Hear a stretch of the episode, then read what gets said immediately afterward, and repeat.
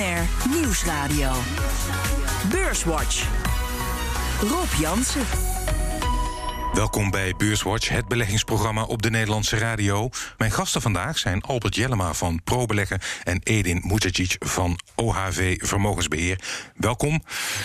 Er gloort een overwinning voor Joe Biden. En als het een feit wordt, uh, ja, is de vraag: is dat dan ook goed voor de beurs de komende weken? Wat denk jij, Albert? Ja, we hebben eigenlijk natuurlijk al een enorm herstel gezien op de beurs. Uh, zelfs gedurende de, de, verkiezingen. En eerst werd natuurlijk lang gezegd dat Biden, als die zou winnen... dat dat misschien niet heel positief voor de beurs zou zijn. Alleen door de uitkomst in de Senaat, die je ook zag... Uh, die toch wel de andere kant weer opwees... Uh, ja, hebben beleggers dat toch weer positief opgepakt. Hm. Dus ik heb eerlijk gezegd het idee dat... ja, het land is extreem verdeeld geraakt natuurlijk... want het is bijna 50-50. Ehm, mocht het rustig blijven in Amerika... en daar is natuurlijk nu wel enige angst voor... dat dat dat toch uit de hand gaat lopen... Uh, ja, dan denk ik niet dat de uitkomst van deze verkiezing... nu een enorme impact op korte termijn op de beurs zal gaan hebben. Oké, okay, wat denk jij, Edin? Nou, ik denk dat de markt uh, heel, uh, heel sterk rekening hield met een democraat in het Witte Huis...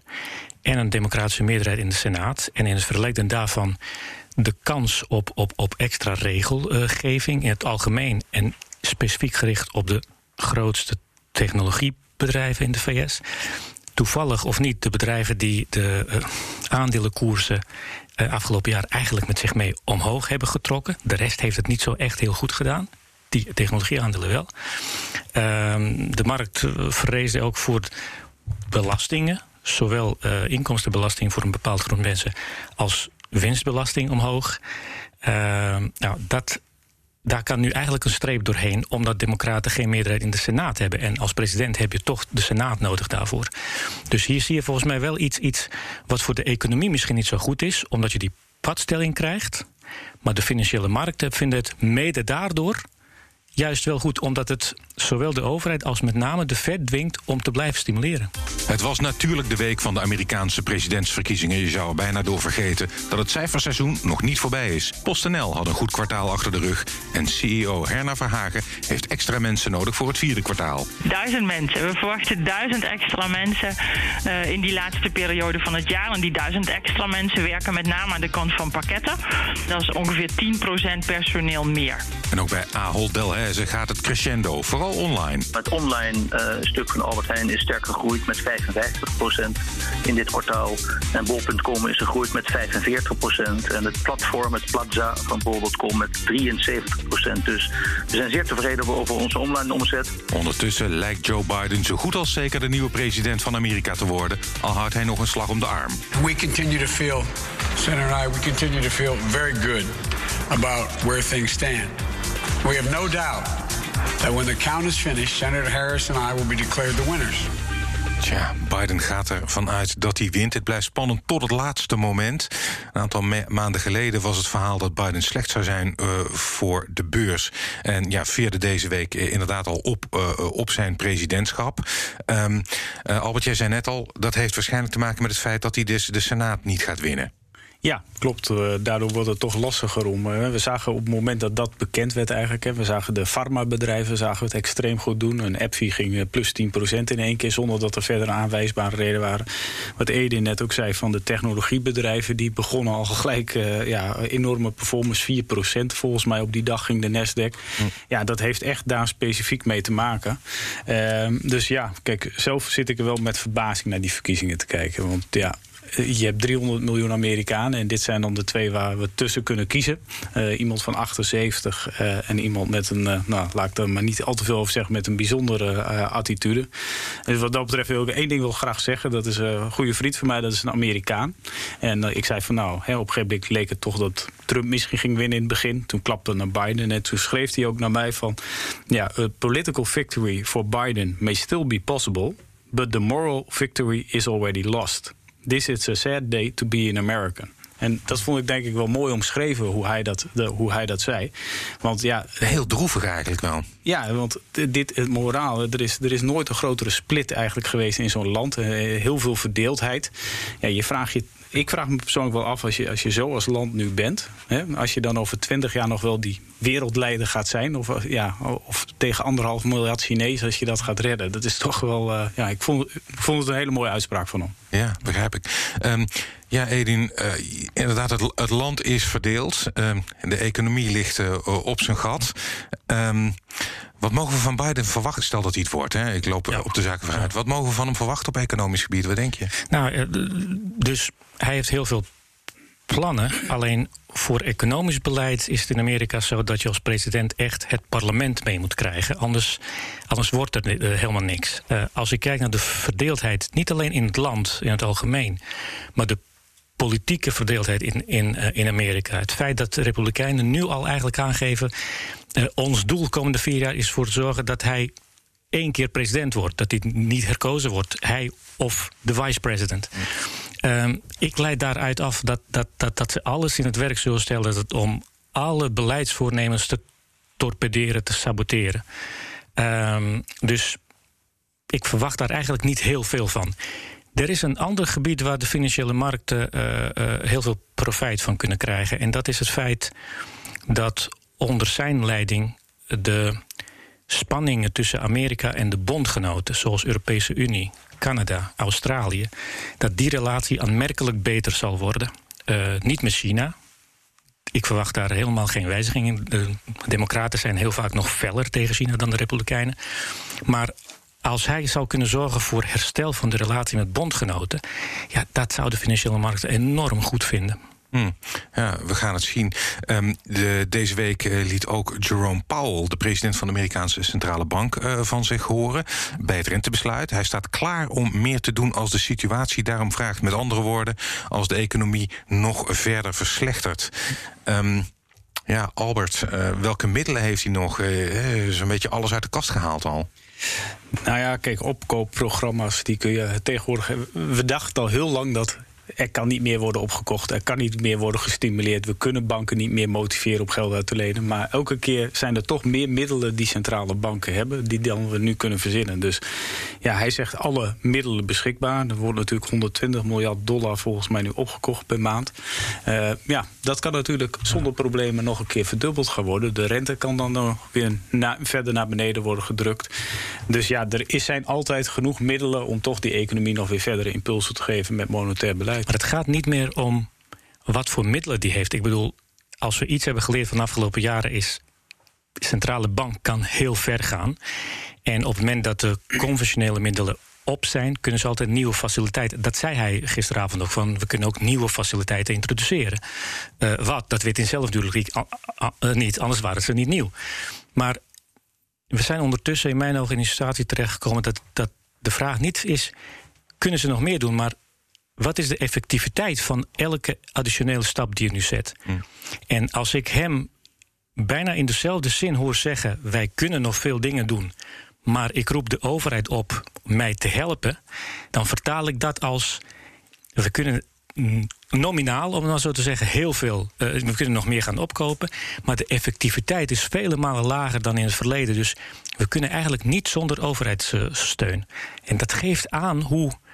Uh, hoe dat gevoel van uh, onmacht bij niet alleen de Fed, maar ook bij de ECB ondertussen langzaam zeker uh, erin sluipt. Ja, en dan uh, komt het probleem weer naar voren wat jij net schetste. Want hij doet dus eigenlijk een beroep op de politiek. Hè, kom nou eindelijk met dat steunprogramma. Maar dat gaat er zo dus waarschijnlijk nog niet komen voorlopig, Albert. Wat denk jij? Nou, dat, dat lijkt inderdaad nu wel op de lange termijn, dat, dat nieuwe steunprogramma. Dus dat, dat is niet iets, denk ik, waar nu de markt heel op korte termijn op gaat rekenen. Want dat is denk ik nu, ja, met deze verkiezingsuitslag komt dat in een nieuwe inpassen. Ja, um, ja um, Powell is uh, denk ik wel, als Biden het wordt, uh, verzekerd of zekerder van een tweede termijn uh, dan ik denk, Trump. Ik denk dat Biden als president eigenlijk geen optie heeft om eventueel iemand anders voor te dragen. Want dan keer ik terug wat ik net al zei.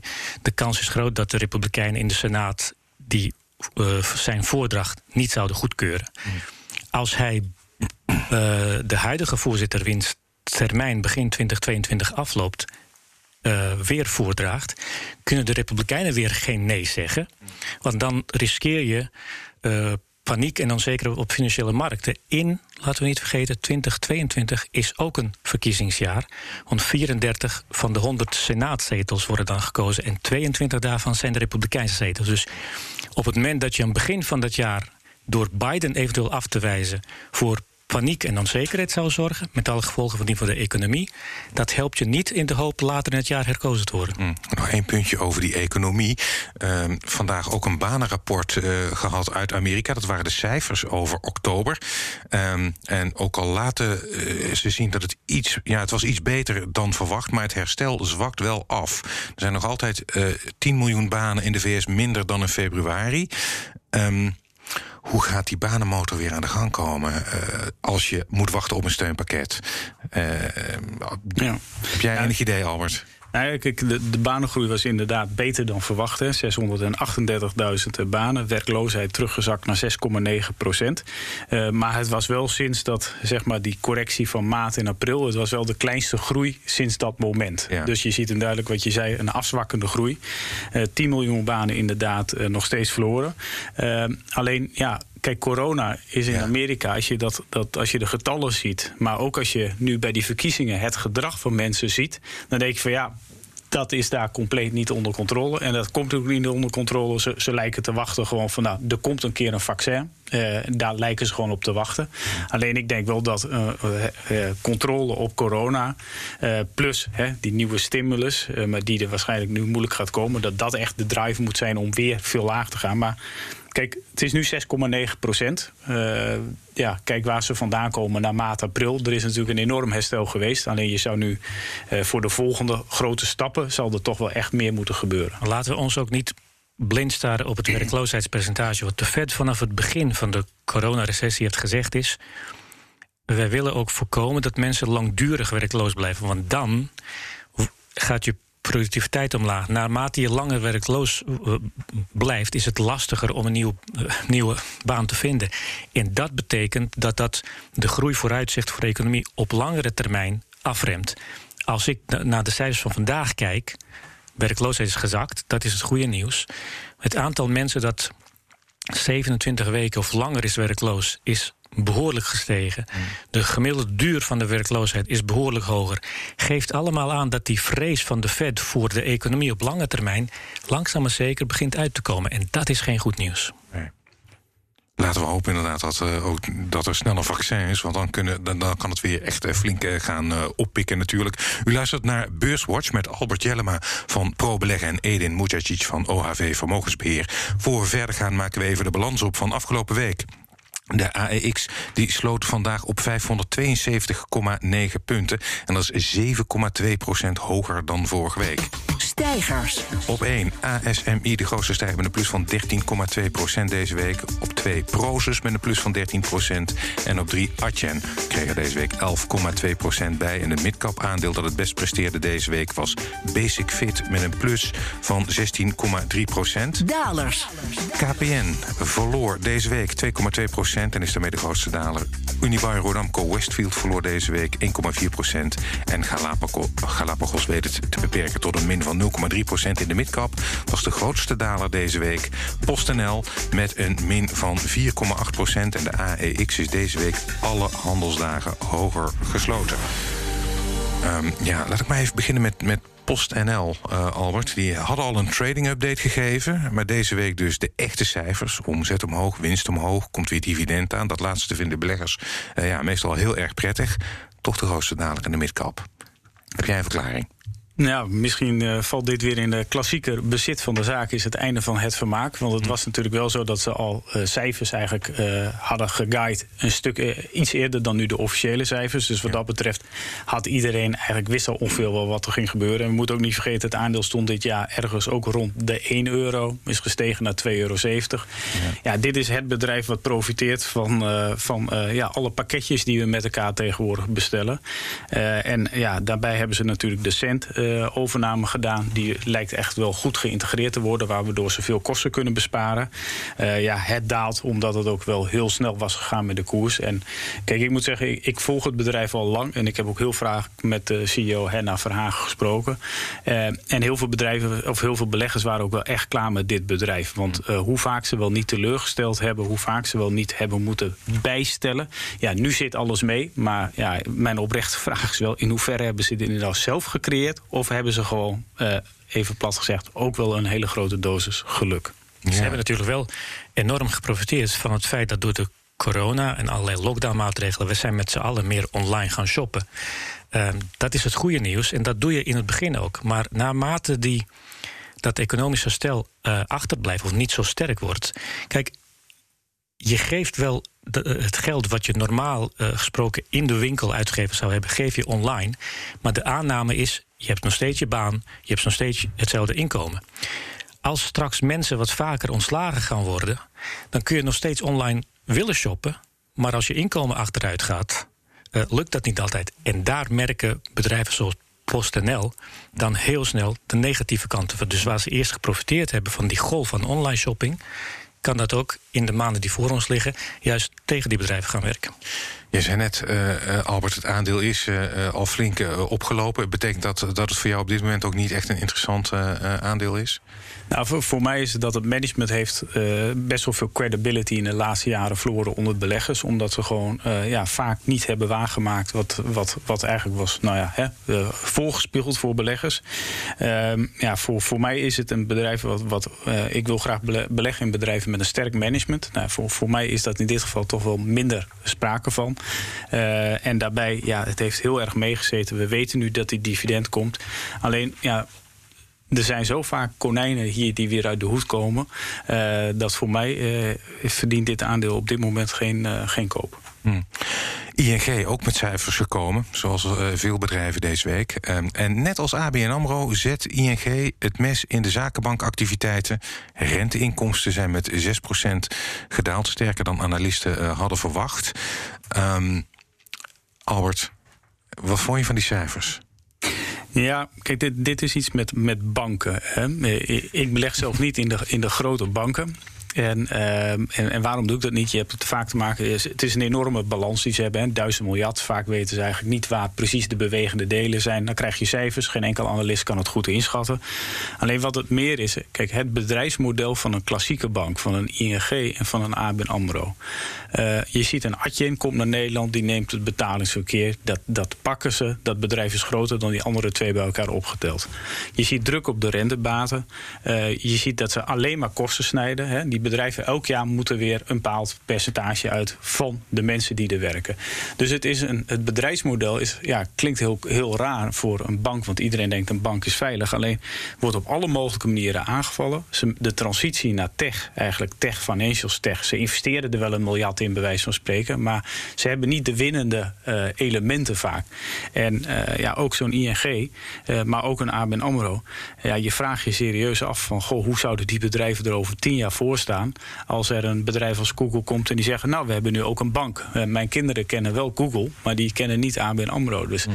ja, het bedrijfsmodel is, wat mij betreft, uh, ja, er moet heel veel veranderen. We willen dit soort banken uiteindelijk nog heel veel succes opleveren voor een belegger. En ik weet dat ik veel mensen voor het hoofd stoot, want voor mij is het op één na bekende, be, meest be, ja, belegde aandeel ING uh, eh, in Nederland. Alleen ja, kijk je naar het bedrijfsmodel, dan moet ik daar toch wel, ja, niet voor mij in ieder geval. Nee. Edin, wat vind je, hoe kijk jij naar de banksector? Nou, kijk, je zou hopen dat op het moment dat, uh, dat je in moeilijkheden verkeert, uh, dat het grootste uh, deel van, van toekomstig herstel komt uit innovatie. En ik zie alleen maar vooral eigenlijk snijden in de kosten, snijden in de kosten, snijden in de kosten leuk misschien voor het bedrijf, maar daar zit een grens aan. Aan innovatie zit geen grens. Dus als je, als je daar goed in bent, hm. dan kun je heel ver komen. En bovendien geldt in, in, in een omgeving waarin de onzekerheid over het economische stel toeneemt, ja, als bank sta je misschien niet op de voorste rij, maar wel vlak daarna. Uh, bij uh, innovatie denk ik uh, wel aan DSM. kregen deze week ook ruim 8% bij op kwartaalcijfers. De materialentak deed het beter dan verwacht. Onderdeel wordt op termijn geloof ik wel afgestoten, Albert. Mm -hmm. wat vond jij van DSM? Ja, er waren eigenlijk twee dingen deze week. Dat waren de cijfers, uh, waarbij de omzet iets lager uitkwam dan verwacht, maar de EBITDA, de operationele winst, eigenlijk beter was dan verwacht. En ze hadden ook een Capital Markets Day. Uh, dus we hebben de beleggers bijgepraat over de nieuwe strategie voor de komende vijf jaar door de co-CEO's die ze hebben. Heb ik trouwens wel een hekel aan co-CEO's. Kies er één, zeg ik altijd. Maar dat is nu wel zo. Uh, maar bij die Capital Markets Day hebben ze ja, hun strategie gegeven. Ze hebben een nieuwe divisie die ze gaan vormgeven. Nou, dan af van de performance Performance Materials uiteindelijk. Ja, en wat je bij dit bedrijf heel erg ziet, is dat het een pure nutrition company zal zijn. En die handelen op een veel hogere waardering, gemiddeld genomen, dan Performance Materials afdelen of ja, bedrijven. En dat krijg je eigenlijk nu, en dat zie je ook in die koers. Alleen ook, ja. Ik wil niet alleen maar aandelen zeggen waar ik niet in beleg. Maar het is wel heel hard gegaan. En ja. Uh, ja. het tikt heel veel bokjes voor mensen die duurzaam willen beleggen. En dat is ja, een, duur, een bedrijf wat duurzaam is in die categorie, die mag makkelijk 30% hoger handelen dan zijn sectorgenoten tegenwoordig. Uh, dus daar valt het wel in. Uh, maar het is wel hard gegaan, maar fantastisch bedrijf. Fantastisch bedrijf. ik zie jou instemmend knikken. Ja, het, het, voor een groot deel is het gewoon het vertrouwen in de plannen van de leiders van het bedrijf. En als je dan hoort dat ze willen toeleggen op voedsel en middelen voor de gezondheidszorg, ja, dat zijn de sectoren van morgen inderdaad. Uh, ja. ja. We zijn alweer bijna aan het einde van deze uitzending uh, gekomen. Dat betekent dat jullie de tip mogen geven uh, voor de luisteraar. Um, Edin, wat is jouw tip voor de luisteraar? Als ik het heel even mag introduceren. Ja? Um, de Amerikaanse de zittende president, ook als die vandaag verliest, is de komende elf weken nog steeds de president van Amerika. Uh, gezien zijn onvoorspelbaarheid, denk ik dat je als belegger rekening moet houden met grote volatiliteit in de komende, uh, komende week. Ehm, dus met het oog daarop en met het oog op in het verlengde daarvan les spreiden, spreiden, spreiden is belangrijker nu dan ooit is geweest waarschijnlijk. Mijn tip zou zijn: ehm, een uh, uh, ETF van het bedrijf iShares. En dat is een Edge MSCI World Minimum Volatility. ESG ook nog. Dus ja. heb je alles op één plek en volatiliteit. En je bent duurzaam bezig. Ik zou voor de komende weken dat mee willen geven okay. als tip. Ik zal zorgen dat de ISN-code uh, van de tracker uh, op de site komt te staan. Albert, wat is jouw tip voor de luisteraar? Nou, ik, ik, heb er eigenlijk twee. Want de eerste tip is dat, gezien wat er allemaal in Amerika gebeurd is, dat Kane West, de rapper die zich nu ook beschikbaar stelde, dat die waarschijnlijk in 2024 de verkiezingen wel gaat winnen. He, want dat zou, dat zou maar zo kunnen daar, denk ik. maar mijn tip qua aandeel, dat is het aandeel wat jij net noemde, dat het hard was gestegen deze week in de Dat is Basic Fit. Uh, ja, ik uh, heb meerdere, ook bij ProBeleg hebben we nu een mooi rapport daarover geschreven. Ik focus mij heel erg op bedrijven nu met een ijzersterk bedrijfsmodel, met een heel goed management, een ongelooflijk sterk, uh, um, sterke balans, maar die afgestraft zijn door corona. Nou, daar valt Basic Fit perfect in. Ik denk dat als je over drie, vier jaar durft kijken wat zij met hun markt kunnen bereiken, dan denk ik dat het een aandeel is wat je zeker voor zo'n periode moet bezitten. En dat doe ik dus ook. Hartelijk dank. Albert Jellema van ProBeleggen en Edin Muzejic van OHV Vermogensbeheer. Dit was BNR Beurswatch en als u wilt reageren... dan kunt u een mail sturen naar beurswatch.bnr.nl... of tweeten naar Rob Beurs. Terugluisteren kan via de site, de BNR-app, de Apple Podcast-app of Spotify. En graag tot volgende week.